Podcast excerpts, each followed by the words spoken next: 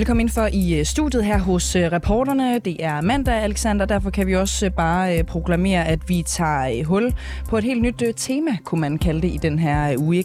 Vi synes nemlig, det er en lille smule mærkeligt, at virksomhed efter virksomhed står og råber efter arbejdskraft. Nogle steder så er det så galt, at virksomhederne simpelthen må dreje nøglen om, fordi de ikke kan skaffe ansatte nok simpelthen. Vi synes bare, det er mærkeligt, hvordan det kan sameksistere med, at mere end 60.000 danskere går ledige på kontanthjælp kontanthjælp eller dagpenge? Det er fordi akademikerne ikke gider, tror jeg. Tror det? Akademikerne, det er jo faglærte, vi ja. mangler, ikke?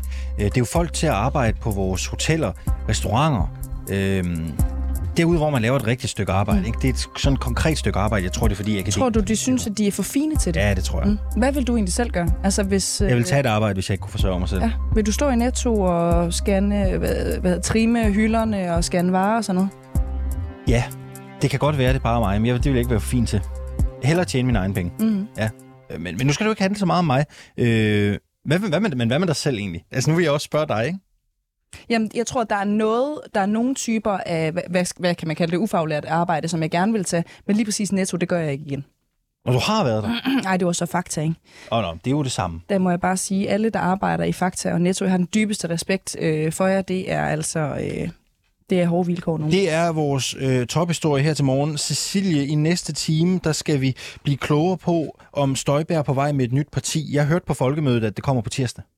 Altså i morgen. Ja, jeg har også hørt ting og sager på vandrørene. Ja, øhm, og det er jo særligt interessant nu, efter Christian Thulsen Dahl i fredags, mm. midt på folkemødet, meldte ud, at han ikke genopstiller. I hvert fald ikke for Dansk Folkeparti. Nej. Så spørgsmålet er, om Støjbær er på trapperne med noget. Mm. Det er der flere i agtagere, der mener vi prøver at blive lidt klogere sammen med Emil Winkler, vores politiske redaktør, i næste time. Ja, og så vil jeg også bare lige sige, hvis man synes, at min stemme lyder en lille smule anderledes, end hvad den plejer, så er det simpelthen, fordi jeg har fået noget allergi. Øh, ikke? Vi ser, det, om vi kan komme, komme igennem med det har, ikke? Ja, det, og det er også det, jeg vil sige, hvis man tror, at det har noget med folkemøder og alt muligt at gøre. Det er, fuld, det er fuldstændig uberettiget. Godmorgen, og velkommen til reporterne på 24 /7. Alexander, vi er allerede øh, inde på det. Virksomhed efter virksomhed står lige nu og råber efter øh, arbejdskraft, øh, arbejdskraft undskyld, hedder det. Vi stiller i dag spørgsmålet, hvordan det egentlig kan være, når der samtidig er mere end 60.000 danskere, der går ledige på kontanthjælp eller på dagpenge. Det har vi sat os for at undersøge her på rapporterne i den her uge, og vi kommer til, og det kan jeg også godt være ærlig at sige nu, at gå en lille smule utraditionelt til værks. Senere i dag, der skal vi høre fra en af dem, som ikke er i job. Hun hedder Marie Tranekjær, og vi skal ikke bare lave sådan et øh, standard interview, øh, som vi plejer, Alexander. Vi har jo sat os for derimod at, at forsøge at hjælpe Marie med at finde et arbejde i løbet af den kommende uge simpelthen. Mm. Tror du, vi lykkes med det? Det afhænger af, hvor frisk hun er. Nu må vi lige Både geografisk og arbejdsopgave. Ja, jo, jo det, det er klart. Ikke? Ja. Øhm, inden vi når dertil, så skal vi lige prøve at høre fra en af dem, som har svært ved at få hænder nok. Det er dig, Allan Agerholm. Godmorgen.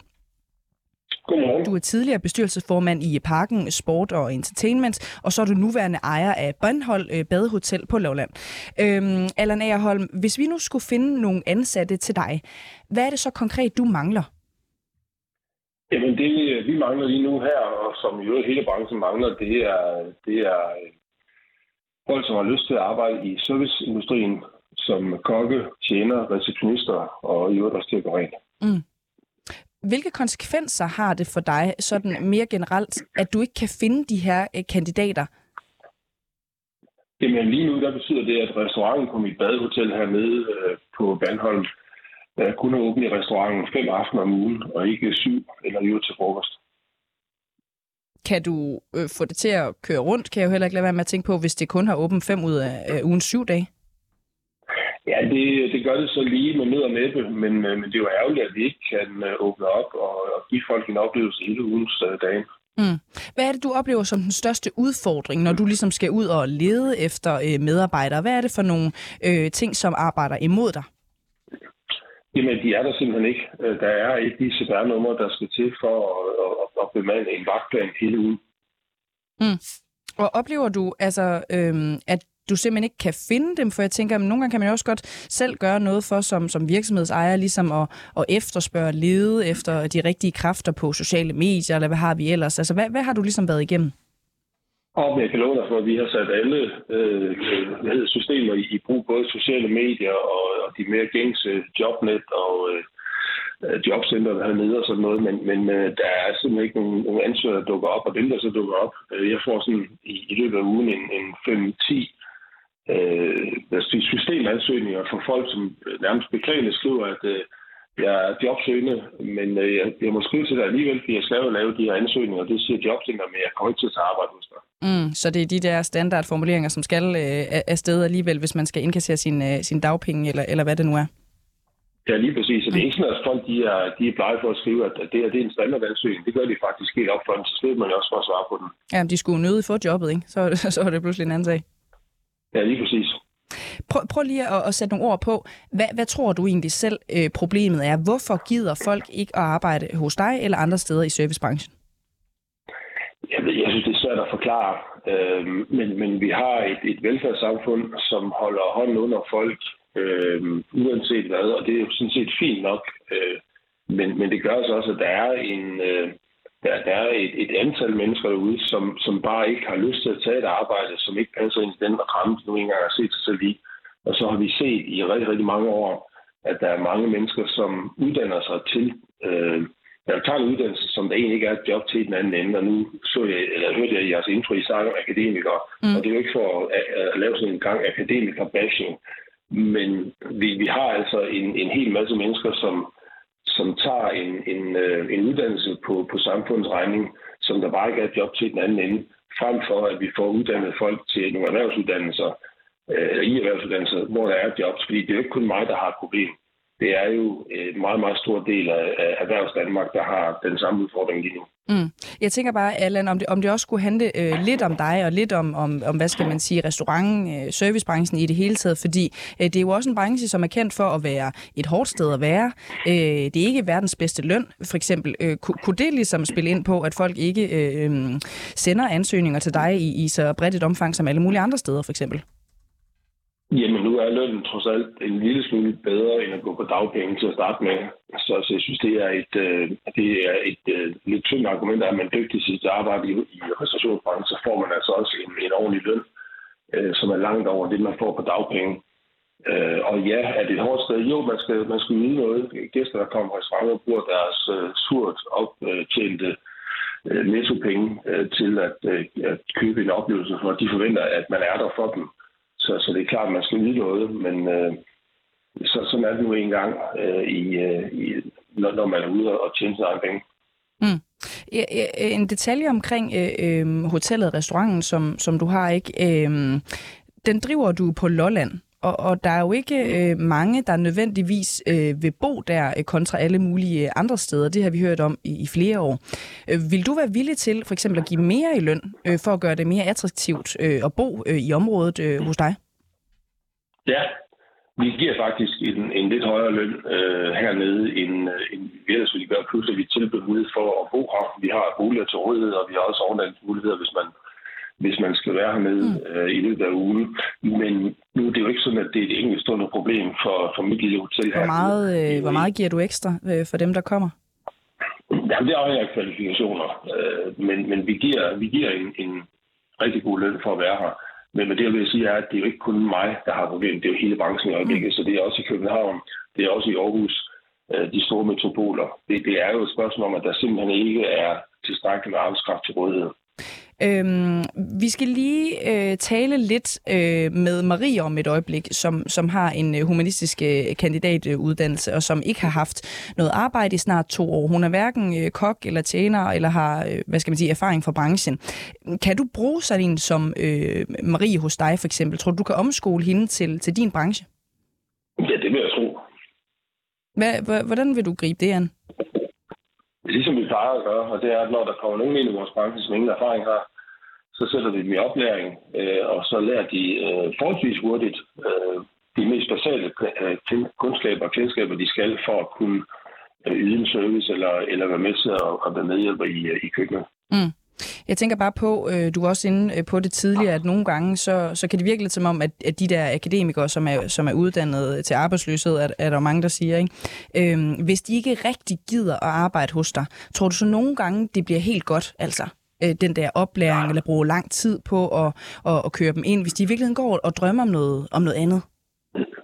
Nej, Ej, det er klart, hvis, hvis de overhovedet ikke har lyst til at, at være en del af, af det team, der nu engang er i en, en servicevirksomhed, så bliver det aldrig en, øh, en, en lykkelig kobling. Øh, men vi ser altså også, at der er en del, der opdager, at, øh, at den uddannelse, de har taget, den er der ikke et arbejde til på den anden side, og så bliver de nødt til at beskæftige sig med noget andet. Mm. Øhm, nu, nu taler vi med Marie lige om lidt, ikke? Altså hvis nu, hun nu siger ja til et job øh, hos dig på hotellet for eksempel, kan hun så øh, få lov til at bo der? Det er jo et ret fint hotel ja. faktisk, du, du driver. Ja, altså hun kommer ikke til at bo på hotellet. Vi har personaleboliger, men hun skal være hjertelig velkommen, hvis hun mm. vil. Okay. Øh, Allan Agerholm, tusind tak, fordi du var med her til morgen. tak. Medejer af Bandholm Badehotel, altså på øh, Lolland, ikke? Det er et ret fint sted, jo. Silje, det, det er jo et ret fint sted, ja. vil jeg bare lige skynde mig at sige, hvis man kender øh, hotellet. Ikke? Ja. Øh, interessant. Øh, nu kan vi sige øh, godmorgen og velkommen til dig, Marie Trankær. Godmorgen. Godmorgen. Vi vender tilbage til dig lige om lidt, for selvom ledigheden er på sit laveste i 10 år, så var der alligevel 62.049 mennesker på dagpenge eller kontanthjælp i Danmark i første kvartal af 2022. Spørgsmålet er jo så, hvordan det kan være, når nu der skulle være jobs nok at tage af. Det har vi undret os over her på reporterne, og derfor så har vi altså i den her uge besluttet os for at hjælpe de danske jobcentre lidt på vej live i radioen. Og det gør vi ved at forsøge at matche jobsøgende på den ene side med arbejdsgivere på den anden. Og Marie Tranekær, du på dagpenge, som udløber til december i år. Du har en bachelor i religionsvidenskab og en overbygning i Mellemøststudier fra Syddansk Universitet. Du er 41 år gammel og har siden du blev uddannet tilbage i 2014 ikke haft held med et eneste job inden for din faglighed. Hvilke jobs har du egentlig haft i perioden fra 2014 og frem til i dag? Jamen, jeg har haft øh, et, øh, et job som, øh, som pædagogmedhjælper, øh, som var almindelig ordinær øh, fuldtidsbeskæftigelse. Og øh, det havde jeg frem til, at jeg gik på barsel i 18, og så lukkede det. var en privat institution, og den lukkede desværre. Øh, og udover det, så har jeg haft øh, job som øh, i Kulturhuset, øh, som noget kommunikationsmedarbejder, øh, og det var et job med løntilskud. Hvor mange ansøgninger har du sendt i perioden? Åh, oh, det har jeg ikke talt på. Om sådan et Masser. Masser. Altså, du sender jo øh, i snit to-tre ansøgninger om ugen. Mm-hmm. Så øh, ja, og hvor mange øh, samtaler er du blevet kaldt øh, til?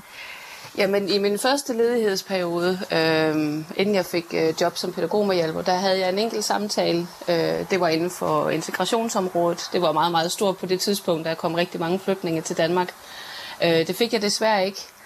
Og øh, for nylig har jeg så været til en samtale igen. Det var her i april, øh, som noget administrativ medarbejder, øh, og det fik jeg desværre heller ikke. Altså et HK-job? Det var det. Alright. Øh, nu talte vi jo med Allan Agerholm øh, for et øjeblik siden fra Bandholm Hotel. Ja. Han mangler arbejdskraft på badehotellet på Lolland. Øh, ja. Han siger, at han kunne helt sikkert godt bruge sådan en som dig. Øh, ja. Og han kunne også godt omskole dig til at arbejde ja, dernede. Han tilbyder, det kunne han da sikkert. ja, han, han, han tilbyder jo også, at, øh, at du kan bo øh, i en af personaleboligerne, ja. når du så er dernede. Øh, ja. Det er jo et meget konkret tilbud, en meget konkret håndtrækning. Hvad siger du til det? Ja, jeg synes, at det er, jeg synes, det er fint, at han, øh, han vil gøre så meget for at, øh, at tiltrække medarbejdere. Øh, og der er der helt sikkert også nogen, der vil øh, være interesseret i det. For mig der handler det ikke kun om, øh, om arbejdet, øh, mm. men også, at der jo selvfølgelig er en familie, der også øh, skal følge med. Jeg er mor til to børn, øh, og har jo også en, øh, en mand, der har et arbejde, der skal, der skal fungere. Mm. Så det med lige at, at flytte til Lolland, det, øh, det er nok ikke lige så attraktivt mm. for mig. Hvad hvis du kunne arbejde hos ham øh, to-tre dage om ugen, og tjene lidt penge på den måde? Mm, måske. Det udelukker du måske. ikke? Det udelukker jeg ikke. Nej. Nej, altså som sagt, min, øh, min dagpenge, de udløber til, øh, mm. til december, og selvfølgelig skal jeg have arbejde. Men jeg tror nogle gange, det der, det der bliver lidt glemt i hele snakken omkring det med, nu selvfølgelig igen med akademikere, der ikke vil arbejde, men også med andre, der ikke vil. Jeg tror, man glemmer lidt, at der sidder altså også et menneske bag ved den ledige, altså et menneske med, med drømme om fremtiden. Og, altså for mig selv, selvfølgelig har jeg drømme. Der er jo en grund til, at jeg har gået på, på universitetet og taget de uddannelser, jeg har taget.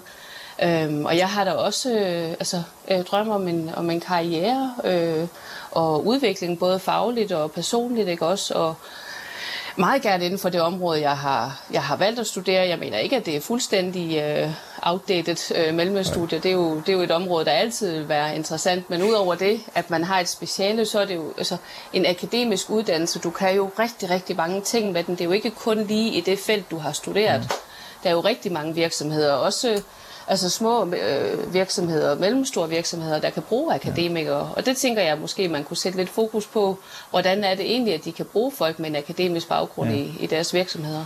Har du, øh, har du gjort noget aktivt for at gøre dig mere øh, attraktiv for arbejdsmarkedet? For man kan Jamen, jo være ærlig og sige, øh, når du blev færdig i, i 2014, så, så er du ja. måske ikke så opdateret på, øh, på dit fag i dag. Så, nej, så hvad har du nej, gjort for at gøre rigtigt. dig attraktiv for arbejdsmarkedet? Jamen, altså det jeg har gjort, det er jo, at øh, så i min første ledighedsperiode, der tog jeg jo som sagt et job øh, løntilskud, øh, og jeg har jo altid haft håb for, at de vil, øh, de vil ansætte mig bagefter. Øh, jeg har haft noget praktik, jeg var ude at undervise, jeg har noget undervisningserfaring. Øh, jeg boede i Ægypten i to år, mens jeg, øh, mens jeg studerede, øh, hvor jeg underviste i engelsk. Øhm, og så har jeg, den her gang, der har jeg taget et øh, kursus øh, som beskæftigelseskonsulent. Jeg synes, det er et område, der er utrolig spændende, og vil gerne arbejde inden for det. Øh, for at blive lidt opdateret omkring alt det med aktivloven, og hvordan er de her forskellige samtaleteknikker, man bruger med den ledige osv. Øh, men altså, jeg vil sige, at den her ledighedsperiode har jo også været rigtig, rigtig uheldig øh, på grund af det med corona. Ja øh, som jo har lukket for rigtig mange muligheder. Øh, for eksempel for mig ville det jo have været rigtig, rigtig godt at kunne komme ud i praktik, så jeg kunne vise folk, hvad er det egentlig, jeg kan. Øh, Udover bare nu talte vi øh, med Allan Agerholm her for et øjeblik siden, og han ja. Øh, siger jo, at der hvor der virkelig er behov for arbejdskraften, det er, det er ude på hotellerne og på restauranterne. De mangler ja. også ude i butikkerne, øh, i Netto, Fakta, Aldi, alle ja. de der steder. Har ja. du søgt sådan nogle jobs der? Det har jeg ikke endnu, men, men det er det, der kommer på, på min liste. Jeg har ligesom haft en liste igennem min, min ledighedsperiode, hvad er det, jeg søger, og hvornår søger jeg det. og nu er, nu er jeg nået dertil, hvor, øh, hvor, hvor jeg skal ud og søge øh, andet, end, end jeg har gjort så det, så det er simpelthen the last resort? Det er det, det er sidste det. udvej det for dig? Det, ja. Ja, ja, det er det. Er det, fordi du synes, du er for fin som akademiker til at arbejde sådan et sted? Ikke. Overhovedet ikke. Jeg har haft et utal af job i mm. butikker og kundeservice og øh, telemarketing og rengøring og alt muligt igennem min tid. Og det handler ikke om, at jeg synes, jeg er for fin til det. Men jeg, igen, jeg har taget min uddannelse øh, grundet ja. interesse, om jeg jo selvfølgelig har en, en drøm om at arbejde med, med noget andet. Øh. Det er jo mere for at finde ud af. Øh, du har jo fået din uddannelse betalt af staten.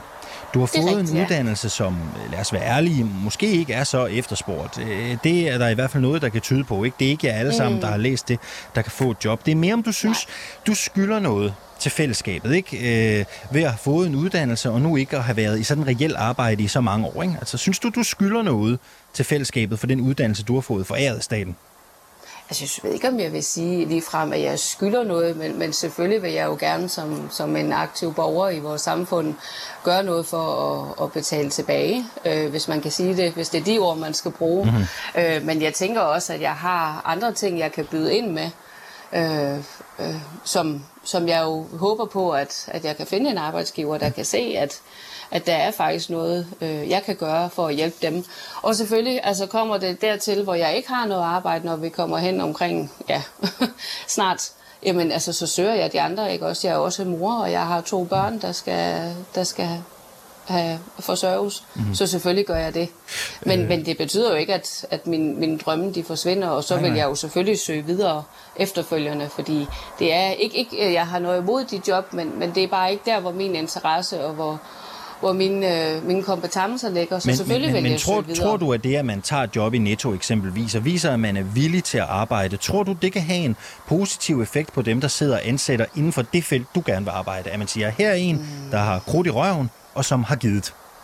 Måske Køber du den for præmis? nogen, måske ja. for nogen, men for andre nej, det tror jeg faktisk ikke. Nej. Jeg, jeg, jeg tror det, at, at jeg nogle gange, øh, eller jeg, jeg tit bliver fravalgt for, det er, at jeg har øh, ikke så meget erfaring lige inden for mit eget område.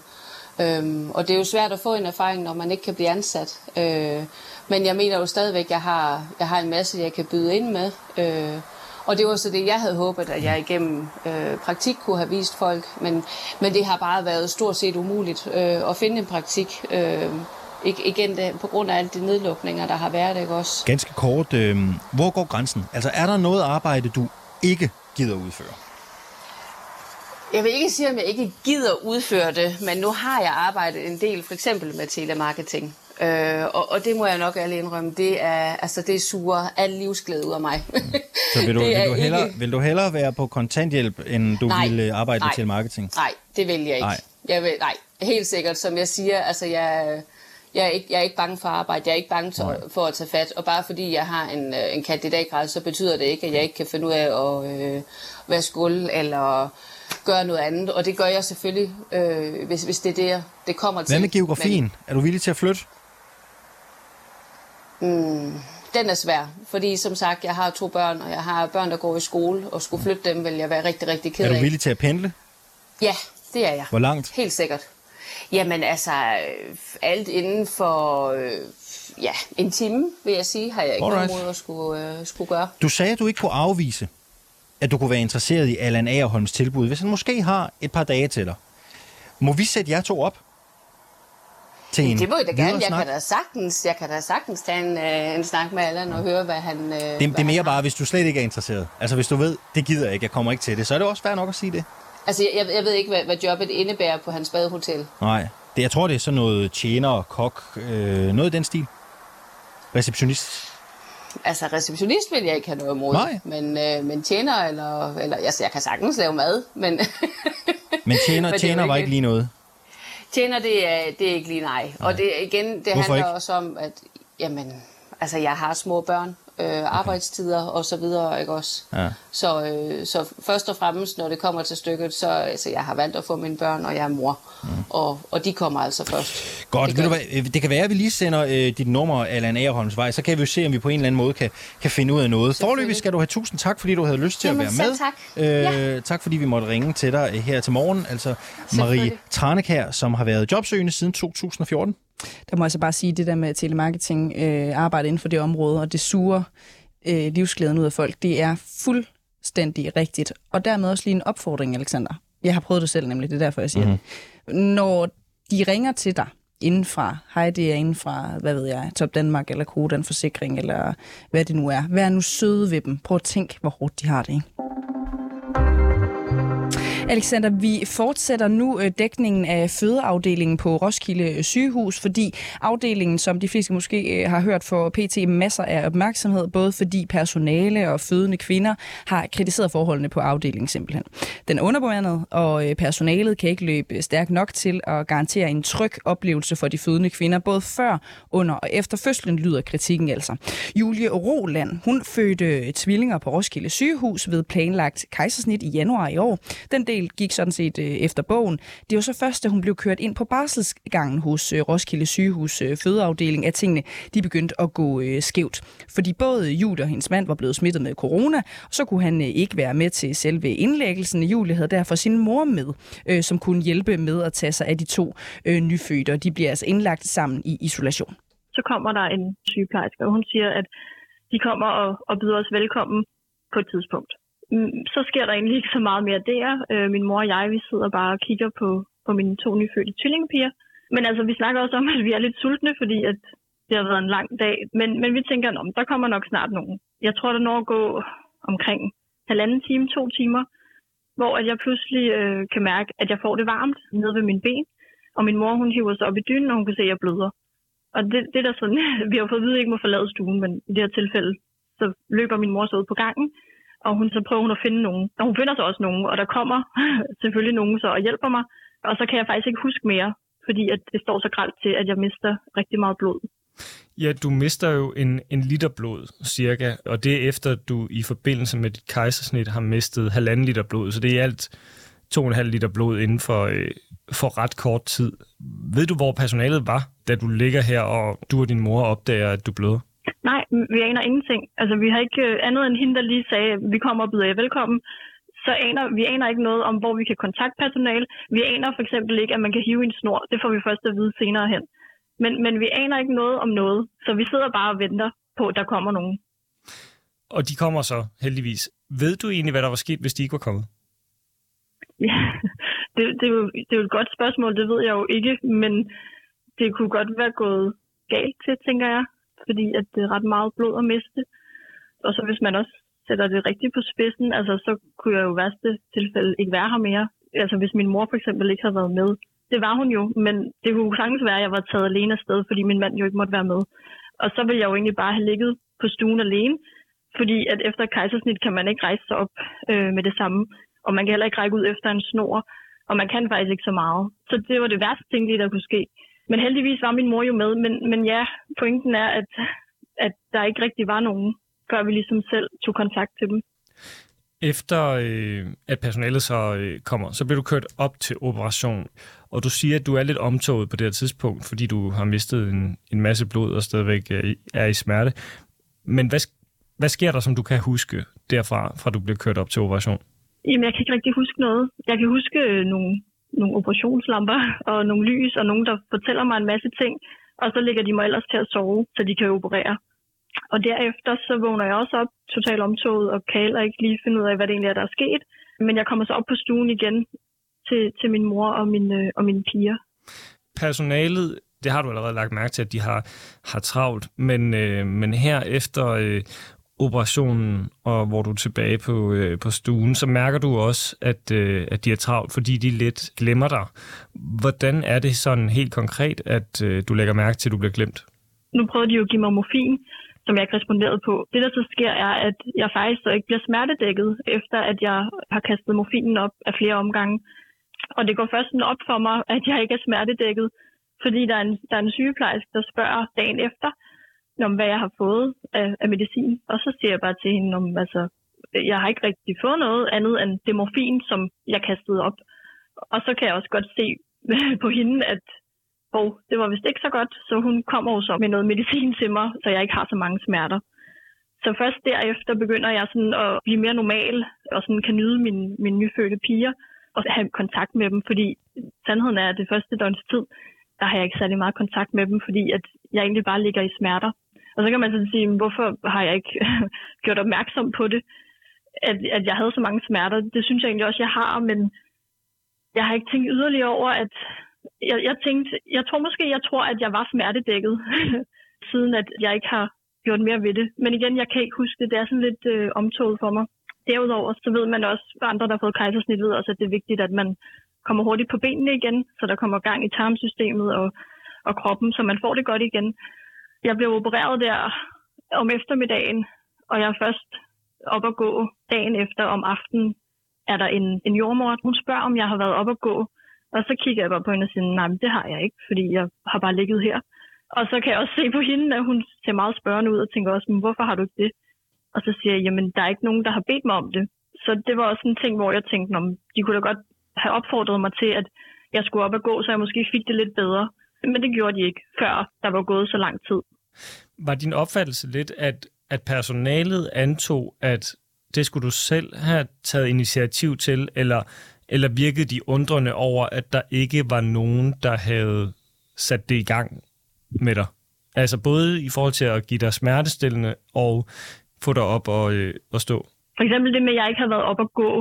Der, der, hun skældte mig ikke ud, men hun sagde til mig, nej, det skulle du have været for længe siden. Og i forhold til det med smertedækning, som jeg også sagde, så kiggede hun også på mig og sagde, at det kunne vi da ikke have, at jeg ikke er smertedækket, så hun ville lige finde noget, som ikke var morfin jeg tror, de har tænkt, hvorfor har du ikke sagt noget? Men samtidig tror jeg også, de har tænkt, ups, det er os, der ikke har været opmærksomme. Hvad var din generelle oplevelse af, af personalet? Søde mennesker, uden tvivl, og, og rigtig dygtige til deres fag. Men jeg kunne godt se på dem, at de var presset, og de havde travlt, og at de egentlig bare ville have overstået det, de skulle på min stue, for så at hoppe videre til det næste, de skulle. Man kunne også tit høre den der lyd, når man hiver i snoren, at det bimlede og bamlede ud på gangen, så vi var ikke i tvivl om, min mor og jeg, at de havde rigtig, rigtig travlt. Hvordan føltes det egentlig at være i på det tidspunkt? Jeg kan huske, at jeg var bange. Og jeg, jeg tænkte også på et tidspunkt, hvordan jeg skulle komme igennem det. Mest af alt, fordi at jeg jo egentlig havde forestillet mig, at det skulle være en rigtig dejlig tid, at jeg endelig fik min tvillingpiger at se, og de var kommet til verden. Og selvfølgelig har man ondt efter en fødsel, det er jeg jo ikke i tvivl om, men jeg havde ikke forestillet mig, at det var på den måde. Så jeg var faktisk rigtig bange, og jeg var ked af det, fordi at det havde været en dårlig oplevelse. Hvad synes du egentlig som patient fødende i det danske sundhedsvæsen, navnlig Roskilde sygehus her, om at man kan få sådan en oplevelse, som du har haft? Jeg synes, det er sørgeligt, og jeg synes, det er forfærdeligt, fordi at nu lever vi i sådan et land som Danmark, hvor man skulle tro, at patientomsorgen var bedre. Men det kan jeg jo så selv se nu, at det er den ikke, desværre. Så det er rigtig ærgerligt, at det skal være sådan. Og mest af alt er det også rigtig ærgerligt for de mennesker, som faktisk dedikerer deres liv til at, at arbejde og drage omsorg for andre mennesker, at de skal arbejde under de her vilkår. For lige at runde helt af, hvordan har du det så egentlig i dag? Jamen altså overordnet set, så har jeg det jo godt. Nu, nu mine tvillingpiger, de er fem måneder gamle, men jeg kan da godt mærke, at jeg tænker tit tilbage på den tid tilbage i januar. Vi var jo indlagt i 10 dage, og så bliver jeg faktisk ked af det, når jeg tænker over det. Fordi at det, det var, ja, det var forfærdeligt at være indlagt, for at sige det lige ud. Det var en virkelig dårlig start på livet for, eller min tvillingpiger, det havde det fint, men i forhold til min nye rolle som tvillingemor, så var det en rigtig dårlig start. Fordi at det gik bare virkelig dårligt. Men altså, jeg har det fint, som sagt, i dag. Men jeg vil, jeg vil ønske, at det havde været en helt anden oplevelse. Sådan lød det altså her fra Julie Roland, som i januar fødte på øh, Roskilde sygehus og efterfølgende altså var indlagt på fødeafdelingen. Og lad os lige vende folkemødet, Cecilia, eller i hvert fald en historie, der har skabt en del debat i kølvandet på Folketinget. Det drejer sig om, eller i kølvandet på folkemødet hedder det selvfølgelig, det drejer sig om en fra Folketinget, nemlig Fri Grønnes politiske leder, Sikander Siddiq. Mm. Uh, han uh, er angiveligt, hvis man skal tro Sikander Siddiq, selv uh, blevet stoppet uden nogen nævneværdig grund af politiet under folkemødet. De har bedt Sikander Siddiq, hans lillebror og en ven, om at legitimere sig. Uh, Sikander Siddiq, han har lavet en video om det her øh, forløb, hvor han står øh, og øh, forsøger at få øh, numrene, altså identifikation på øh, de her betjente. Øh, og han siger jo også, at Hvad, det er etnisk profilering. Det ved jeg ikke. Fri Grønner har klippet lyden ud af øh, klippet. Jeg ved ikke, hvad politiet siger. Mm, okay. Det, det, sådan tror jeg i hvert fald, det var. Det kan være, jeg tager fejl. Øh, Sikander, han mener, der er tale om etnisk profilering. Øh, og det er jo klart, at den debat er jo ligesom eksploderet i kølvandet på det, der er sket. Øh, der er en øh, øh, profil blandt andet her på BT, som, som er et øjenvidne, som siger, at det Sikander har oplevet, det øh, er rigtigt. Øh, en gut, der hedder Rasmus, tror jeg, han hedder. Rasmus Hamer her. Rasmus han er 27 Hamer. år skolelærer fra, fra Haderslev. Han har simpelthen set det med, med sine egne øjne. Og det, det er sådan set det, når du siger øh, debat, øh, Alexander, så, så er det simpelthen, og det, det er jo simpelthen de værste debatter overhovedet, det er øh, debatten om, hvem der taler sandt. Fordi øh, hvis man klikker ind på en, øh, en, øh, en, en øh, artikel, som BT har lavet, så står der, at politiet taler usandt, når de siger, at de ikke kontaktede Sikander Siddiq, partiformand mm. for Frie Grønne, altså på folkemødet på Bornholm. Så det virker til, at der er øh, forskellige øh, holdninger, jeg ved ikke, om man kan kalde det, men i hvert fald øh, forskellige opfattelser af, hvad der rent faktisk ja. er, er sket. Det er ord mod ord, ikke? Ja, og et af vidnerne siger, at øh, det er rigtigt, det Sikander siger, mm. men øh, han siger også, at politiet siger et eller andet til de tre, som jeg ikke kan høre. Så, så, så alt er ligesom lidt oppe i luften. De mm. politiske reaktioner, dem har der virkelig også været øh, knald på, øh, Cecilie. Øh, lad os lige prøve at tage nogle af dem øh, her. Ikke? Lars Aslan fra Socialdemokratiet, han er øh, ude med riven efter Sikander Siddiq og siger, at det er farligt, det han laver. Han lyver og skaber en fortælling om, at Danmark er et racistisk samfund. Søren Espersen, han skriver decideret, at han er fuld af fup. Og Bjørn Brandenborg øh, har spurgt, om Sikander Siddiq er blevet for fin til at tale med politiet vi forsøger jo selvfølgelig, ligesom alle andre, også at blive klogere på, hvad der egentlig er sket. For det er selvfølgelig klart, hvis øh, politiet lyver om det, der er sket, så er det jo en skandale. Mm-hmm. Det er det også, hvis Sikander Siddiq lyver. Ja. Altså uanset hvem, der lyver, så er der jo tale om en, om en skandale. Vi prøver at blive klogere på det, men vi skulle i hvert fald lige have den med. Ikke en af de historier, der virkelig har genereret øh, en masse debat fra øh, folkemødet. En af soldaterne sparkede ud efter mig og ramte min lille datter, jeg havde i armene. Hun skulle på hospitalet, men vi havde ikke penge til det. To uger efter døde hun. Soldaten, som her sparker til en civil kvindes barn, kom fordi kamerunske specialstyrker BIR, som dansk forsvar fra 2016 til 2017, har haft i træning. Og beretningen her, den stammer fra øh, Danwatch, øh, gravermediets afdækning af sagen. Forsvaret vidste godt, at specialstyrkerne var kendt som en af Afrikas mest brutale med utallige overgreb og drab på civile kvinder og børn på samvittigheden. Øh, godmorgen, Florian Elabdi. Godmorgen. Du er journalist på Danwatch. Kan du ikke først og fremmest i meget grove træk forklare os, hvad det er, I har afdækket? Ja, altså Danmark har øh, de seneste år været rundt i Afrika, øh, altså det forsvar, der har været rundt, øh, og, øh, og, og kapacitetsopbygge øh, forskellige lokale styrker, fordi at man mener, at Danmark har haft en interesse i det. Det er også det, vi lidt har været til afstemning omkring øh, det her med øh, EU-forbeholdet, fordi vi gerne vil tilslutte os EU's træningsmissioner, som primært øh, foregår i Afrika. Øh, der har vi så trænet lokale styrker i Mali og i Kamerun. I Mali er tilfældet, at efter vi træner de her specialstyrker, så går de ud og dræber civile. Men i Kamerun, der kunne vi så afsløre, at øh, de både har dræbt civile før, under og efter den danske træning. Og at det her det altså var offentligt tilgængelige informationer, men at forsvaret valgte at, øh, at træne dem alligevel. Mm-hmm. Og prøv lige og lad os gå i dybden med det her. Hvad er det øh, helt præcis de dansk trænede specialstyrker? Hvad er det, de har, de har gjort? Ja, øh, hvis vi starter med dem, der hedder BIR, fordi der er faktisk, vi har kigget på tre forskellige specialstyrker, to i Kamerun og en i Mali.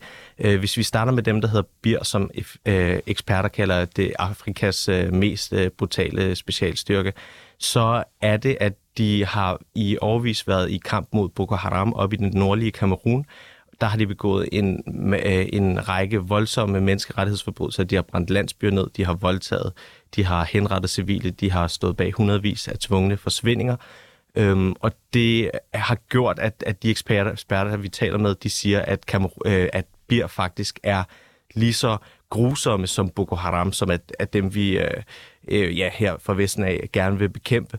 Øhm, men dem har man så alligevel fra forsvaret øh, ment at have en interesse i at træne. Vi har tilsluttet os den amerikanske mil- øh, militær træningsmission, der hedder Ubangama Express, og en, der hedder Flintlock. Og, øh, og i det regi har vi så øh, udført en række træningsprogrammer for BIR. Og du siger, at forsvaret har været bevidst om det her, altså om øh, karakteren af det. Ja. Hvor ved vi det fra? Det ved vi, øh, fordi at øh, der var menneskerettighedsrapporter, inden at vi, et forsvaret gik i gang med at træne dem, og offentligt tilgængelige nyhedsartikler om øh, grusomme forbrydelser. Og så har jeg vores seneste historie her i sidste uge, den har afsløret, at, øh, at øh, det, det er sådan en helt anden historie om, om en, for, om en øh, øh, specialstyrke, der hedder Copalgo, som øh, vi træner, efter vi stopper med at træne BIR, fordi det kommer frem, at, at præcis den underenhed i BIR, som vi har trænet, de faktisk er dem, der har begået forbrydelserne. Øh, så ser forsvaret der i 2017, okay, det er vi nok nødt til at stoppe med, men vi fortsætter træning af en anden øh, specialenhed, der hedder Copalgo, som ligesom svarer til det danske frømandskorps. Og der kan vi gennem agtindsigt afsløre, at, øh, at da den kamerunske borgerkrig kommer, hvor at øh, herren går i krig mod øh, civilbefolkningen i det vestlige Kamerun, engelsktalende civilbefolkning og separatister, mm. der øh, er Danmark til et møde i december i Kamerun med øh, øh, Kopalko-lederen, og der siger han til dem, at øh, inden I skal træne øh, Kopalko, mine soldater her i april 2018, så skal de lige indsættes mod deres egen befolkning først, og vi er faktisk pisse ligeglad med, øh, med civiltab. Han siger ikke pisse ligeglad, han siger øh, bramfrit, øh, at han er ligeglad med civiltab. Vi ved ikke hvad, præcis, hvad han har sagt, fordi det streger over i agtensigten. Men Danmark vælger altså alligevel at, øh, at træne dem, selvom der i mellemtiden udkommer øh, beretninger om, hvad der foregår der, præcis der, hvor de her soldater er blevet indsat. Du siger, forsvaret de har kendt til øh, karakteren af øh, de her specialstyrker. Spørgsmålet er jo så de danske politikere. Har de danske politikere været vidne om, at, øh, at vi i den ene eller den anden façon har været med til at udøve voldtægter mod civile, henrettelser, nedbrændt landsbyer, dræbt børn? Ved de danske politikere det? Og det er, altså i hvert fald forsvarsministeren øh, på daværende tidspunkt har haft øh, en, en, en vis grad af viden om det her, øh, og det var Claus Hjort Frederiksen, der har været øh, forsvarsminister på det her tidspunkt, fordi at, at Værnsfælles Kommando, altså Forsvarskommandoen, de spørger efter, at øh, de får i vide, at de her soldater, de træner, lige skal sættes op i et område, der hedder Mamfe, og i mellemtiden er der udkommet øh, nyheder om, at øh, herren angriber øh, civile med helikopter der, så spørger de Forsvarsministeriet, må vi gerne fortsætte træningen, øh, og det får de grøn lys til. Og sådan en anmodning øh, og taget de øh, oplysninger, der kommer frem i betragtning, den er selvfølgelig op på forsvarsministerens spor. Ja. Alt andet vil være en skandal, så, så jeg kan godt uh, sætte hånden på hjertet. Eller på... Det er lidt vildt, er det ikke det? Jo, det, det er faktisk ret vildt. Uh, ja, det synes jeg også, det er. Spørgsmålet er jo så også, hvis man skal prøve at, at, at, at se det fra en anden synspunkt. Altså, kan det tænkes, at forsvaret har trænet styrkerne med henblik på at gøre dem mindre voldelige? Ja, altså det, der, der er det her argument i forsvaret, når vi, når vi øh, snakker med dem, og, eller skriver til dem, og de svarer, så er der det her argument med, at man ligesom prøver at træne dem i menneskerettigheder og krigens lov, og, og så er resonemanget ligesom, at hvis vi træner dem i det, så vil de være mere opmærksom på, end hvis de ikke trænede. Øh, hvis vi ikke trænede dem i det, så på den måde kan vi ligesom være en, kan man sige, en force for good, eller vi kan presse dem i en lidt bedre retning, end, end hvis vi slet ikke havde trænet dem. Det tror jeg, det er det, er det bedste argument, kan man sige, for at, at træne nogen, der er så voldelige og begår så mange uhyreligheder. Men ja, så må man jo som lytter gøre op, om det er et godt argument. Øhm, her til sidst, inden vi slipper dig, hvorfor er det her en vigtig historie? Jeg synes, det er en vigtig historie, fordi nu har vi tilsluttet os et, øh, et EU øh, for, for, for, et forbehold, som nu ikke længere er et forbehold. Og øh, vi skal rundt i Afrika og træne en hel masse nye styrker. Og jeg synes, at, øh, at vi måske bør øh, lave noget bedre forhåndsresearch, inden vi øh, træner styrker rundt omkring. Fordi der er jo ikke noget galt. Der er ikke nogen, der problematiserer her, at, at vi træner styrker. Det kan have en... Øh, det kan have en god effekt, altså vi, øh, at vi øh, hjælper med kapacitetsopbygge, og det kan også øh, komme Danmark til gavn indirekte eller direkte, men Øh, og vi har også trænet en masse andre styrker, som vi fra Danmarks side slet ikke har problematiseret. Øh, men der er også, jeg synes, at det giver sig selv, at det er et problem, når vi træner folk, som et halvt år inden går ud og øh, kidnapper 200 mennesker, og siden det har, ved deres familier ikke, hvor de er, og begår tortur og voldtægter og nedbrænder landsbyer osv., og de gør det før, under og efter og, og vi ved, at de bliver indsat i en borgerkrig mod deres egen befolkning. Det, er, det synes jeg giver sig selv er meget problematisk. Florian Larp, er journalist på øh, Danwatch. Tak fordi du var med hos os her øh, til morgen. Selv tak.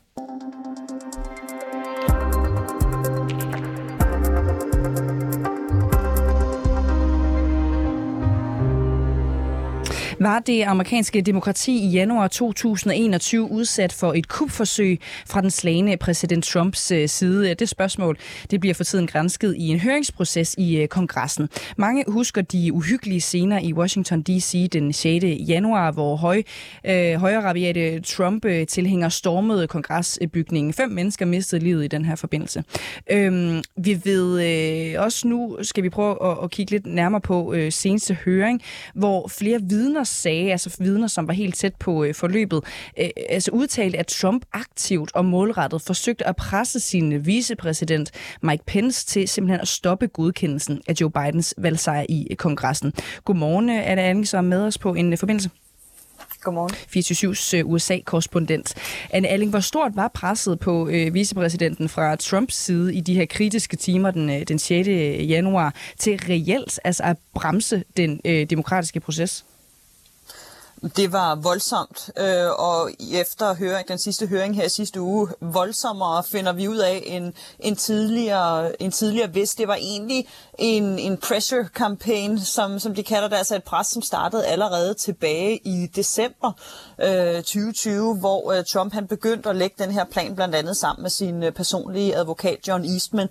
Og det var altså et pres mod Pence, som, som fortsatte helt op til, til den 6. januar, både ved, at, øh, at øh, John Eastman havde møder med, med Pence og Pences rådgivere, men også ved, at øh, Trump på blandt andet rallies øh, talte direkte til Pence, sagde, at han håbede, at Pence ligesom ville komme igennem øh, og afvise valgresultatet. Og så hører vi i de her høringer, hvordan Trump faktisk ringede til Pence om morgenen den 6. januar, og i blandt andet Ivanka Trumps, øh, som var der i lokalet og hørte det, altså virkelig råbte øh, Pence Pence kaldte ham både for en øh, wimp, altså en tøsedreng og en pussy, øh, og altså virkelig, virkelig var meget hård i, i mailet over for, for Pence for, at han skulle gå ind og afvise øh, valgresultatet. Kan vi blive lidt mere konkrete på, Anne Alling, hvad, hvad den her pressure campaign, som du kalder det, og i øvrigt også øh, Trumps altså planer med sin personlige advokat, hvad er det helt præcist, øh, som de har haft øh, til formål, og hvordan er det blevet udført? Jamen altså, det bliver præsenteret i høringen som om, at det er en idé, som især John Eastman, altså Trumps personlige advokat, han har stået bag øh, i samarbejde med, med andre, men det er ligesom ham, som, som var, hvad kan man sige, øh, primus motor bag det. Han præsenterer denne her idé for Trump tilbage i december, efter at de har prøvet en række andre måder ligesom at få underkendt valgresultatet på. Øh, John Eastman, han går altså til Trump og siger, at øh, det kan lade sig gøre, at Pence som vicepræsident kan afvise valgresultatet. Der er jo at den 6. januar, øh, men der skal, øh, er det egentlig sådan en rimelig formel ting, som plejer at, at være overstået rimelig hurtigt, at vicepræsidenten går ind i kongressen og så ligesom officielt godkender valgresultatet. Men her der siger John Eastman altså til øh, Trump, at, øh, at at, at Pence har muligheden for at underkende det her valgresultat. Og det er noget, han bliver ved med at presse på imod. Der er så en række andre rådgivere, som siger til Trump, at det kan man ikke. Det strider med forfatningen. Øh, på et tidspunkt, der siger, øh, der siger John Eastman faktisk også til Trump, at ah, måske kan man heller ikke alligevel. Det strider faktisk med loven, men de fortsætter alligevel, og Trump altså fortsætter alligevel med at lægge det her hårde pres på Pence, både direkte til Pence, men altså også i offentligheden, der får Trump støtter til at bakke op om det her forsøg, som er forfatningsstridigt, men som, øh, som Trump altså alligevel fortsætter med. Mm. Trumps øh, støtter, hvis vi bare lige skal prøve at, at blive lidt ved dem, altså ude foran kongresbygningen øh, under selve stormløbet, de råbte jo også nogle forskellige slogans, som vi lige skal, øh, som vi lige skal blive lidt ved. Altså for eksempel øh, Hang Mike Pence, altså en direkte øh, opfordring til at klynge vicepræsident den op i et træ. Øhm, er, er vi blevet klogere på, om Mike Pences øh, liv på en eller anden måde har været i fare? Vi ved øh, efter høringen i sidste uge, at øh, på et tidspunkt, der var folkemængden, eller i hvert fald nogen af dem, kun 12 meter fra Mike Pence. Øh, Pence, som altså blev evakueret ud af en bagindgang i kongressen, og altså lige præcis kun nåede ud, inden at folkemængden de kom ind i selve kongressalen. Derefter så blev øh, Mike Pence evakueret ned i, hvad man regner med, sådan en parkeringskælder til høringen, der viste de billeder af Mike Pence, som sidder nede i denne her kælder altså under kongressen, samlet med alle sine Secret Service-folk øh, og sine rådgivere. Der sidder han, jamen det ligner nærmest sådan en betonbunker, han sidder nede i, hvor man så ser billeder af Pence, der sidder og følger, øh, hvad der udspiller sig på sin telefon. Han kan se, at øh, der er sådan et billede, hvor han sidder og kigger på sin telefon, kigger på sin Twitter, hvor at Trump faktisk midt i det her voldelige oprør tweeter, at øh, Pence har skuffet dem, at han ligesom ikke came through for for, for nationen, altså endnu en trussel mod Pence fra præsidenten. Og så er der også et billede af, af Pence, der så endelig sidder og ser den her video, da Trump efter næsten to timer holder denne her videotale og beder oprørende om at gå hjem. Og så hørte vi også i høringen, at, øh, at Secret Service faktisk ville evakuere Pence helt væk fra kongressen, at de bad ham komme ind i bilen, så de kunne køre væk fra kongressen. Men her nægtede Pence, han sagde, at han ville ikke have, at offentligheden ligesom skulle have det her billede af vicepræsidenten, der, der flygter, mens øh, kongressen er under angreb. Men det var altså noget, som Secret Service anbefalede ham at gøre, hvilket jo i den grad er tegn på, at øh, vicepræsidenten var i far. Mm, og det er jo øh, øh, Trumps øh, foretrukne ting at gøre, ligesom at, at svine sine øh, øh, kollegaer og, og ligne til på, på Twitter, hvis han ikke er tilfreds med deres øh, gøren og laden. Men ved vi mere om, hvordan Trump rent faktisk reagerede på den her øh, afvisning fra Mike Pences side, øh, øh altså øh, opfordring til at bryde loven og forhindre Joe Bidens øh, valgsejr? Men han var rasende. Øh, den sådan primære, øh, først altså reaktionen, som vi især hører, er om morgenen her den 6. januar, hvor han altså får forlydende om, inden at denne her godkendelse af valgresultatet skal gå i gang, at Pence han ikke vil øh, følge hans råd. Og så har han denne her telefonsamtale med Pence, hvor altså Ivanka Trump blandt andet var i rummet øh, og siger, at hun, at hun hørte sin far tale noget hårdere til vicepræsidenten, end han plejede, og andre, øh, andre White House ansatte, som også var i rummet, og altså høre, hvordan at, øh, at Trump lige frem banner og råber af vicepræsidenten. Øh, på på den måde så reagerede han meget, meget voldsomt, og det gør han jo også ved, altså mens der er et voldeligt oprør i gang mod kongressen igen, at tweete øh, om sin vicepræsident og sige, ligesom direkte sige, at det er Pences skyld, at øh, det her valg nu bliver stjålet fra ham. Så han var meget direkte, og det havde han egentlig været længe. Øh, han holdt en rally i Georgia to dage inden godkendelsen af valgresultatet. Der var jeg selv til stede, og der stod, øh, der stod Trump på scenen og nærmest i sådan mafiasprog sagde, at jo, han kunne rigtig godt lide Pence, men nu måtte vi lige se, om han gjorde, som han skulle den 6. Fordi hvis han ikke gjorde, så ville han kunne lide ham noget mindre. Øh, så han havde længe lagt det her pres øh, mod Pence, øh, og det kom øh, ja, altså meget eksplicit og direkte fra, fra Trump. Mm. Og man må jo bare erkende også med det, du øh, fortæller, øh, Anne Alling, øh, her til morgen, at høringerne har givet os alle sammen et indblik i de her meget, meget vilde og dramatiske forløb omkring magtoverdragelsen tilbage øh, i januar. Hvordan har amerikanerne reageret på de her nye oplysninger? Der er lige kommet en øh, ny meningsmåling ud øh, her til aften amerikansk tid, der viser, at 6 ud af 10 amerikanere, de nu bakker op om, at der skal rettes en direkte altså øh, sag mod Trump. Altså at de mener, at, øh, at, at, at Trump han simpelthen skal få en, i, i en retssag, at han skal anklages for det her. Det er en lille bitte smule stigning i forhold til før høringerne, men den er altså meget minimal. Øhm, som det ser ud lige nu, jamen, så ser det ud som om, at, øh, at den offentlige mening ikke har rykket sig særlig meget. Stort set alle øh, demokrater, øh, altså demokratisk stemmende amerikanere, bakker op om, at øh, Trump er skyldig, og de vil gerne se øh, ham for en, for en retssag, men det er kun omkring en fjerdedel af republikanske vælgere, som mener, at der skal rette sag an mod Trump.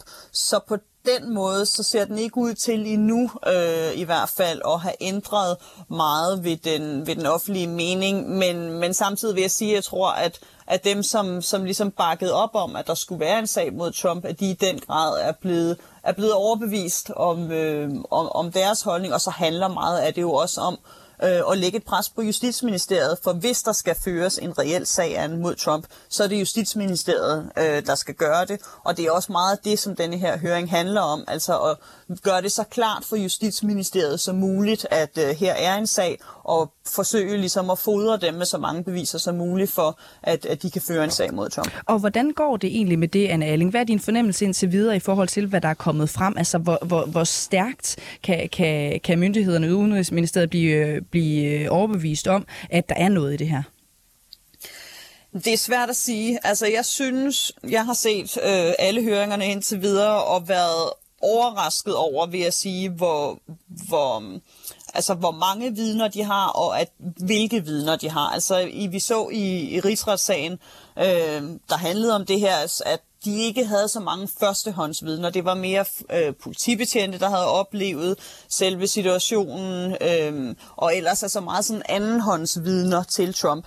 Denne her gang er det anderledes. Altså det er førstehåndsvidner, som vi hører fra folk, der har været i direkte kontakt med Trump. Trumps aller, aller tætteste øh, allierede, justitsministeren, øh, folk, som er helt tæt på, tæt på Pence og præsidenten selv, altså Trumps egen familie, Ivanka Trump, som er inde og vidne. Så på den måde, så er det en, en meget stærkere sag, vil jeg sige, end øh, en en rigsretssagen var der, når der handlede om det her. Så på den måde, så, så vil jeg sige, at der bestemt, øhm, og det er der også mange juridiske eksperter, der udtaler, at der er en del stærke argumenter. Men øh, altså, det er op til Justitsministeriet at afgøre, om de mener, at der også er, er fældende beviser.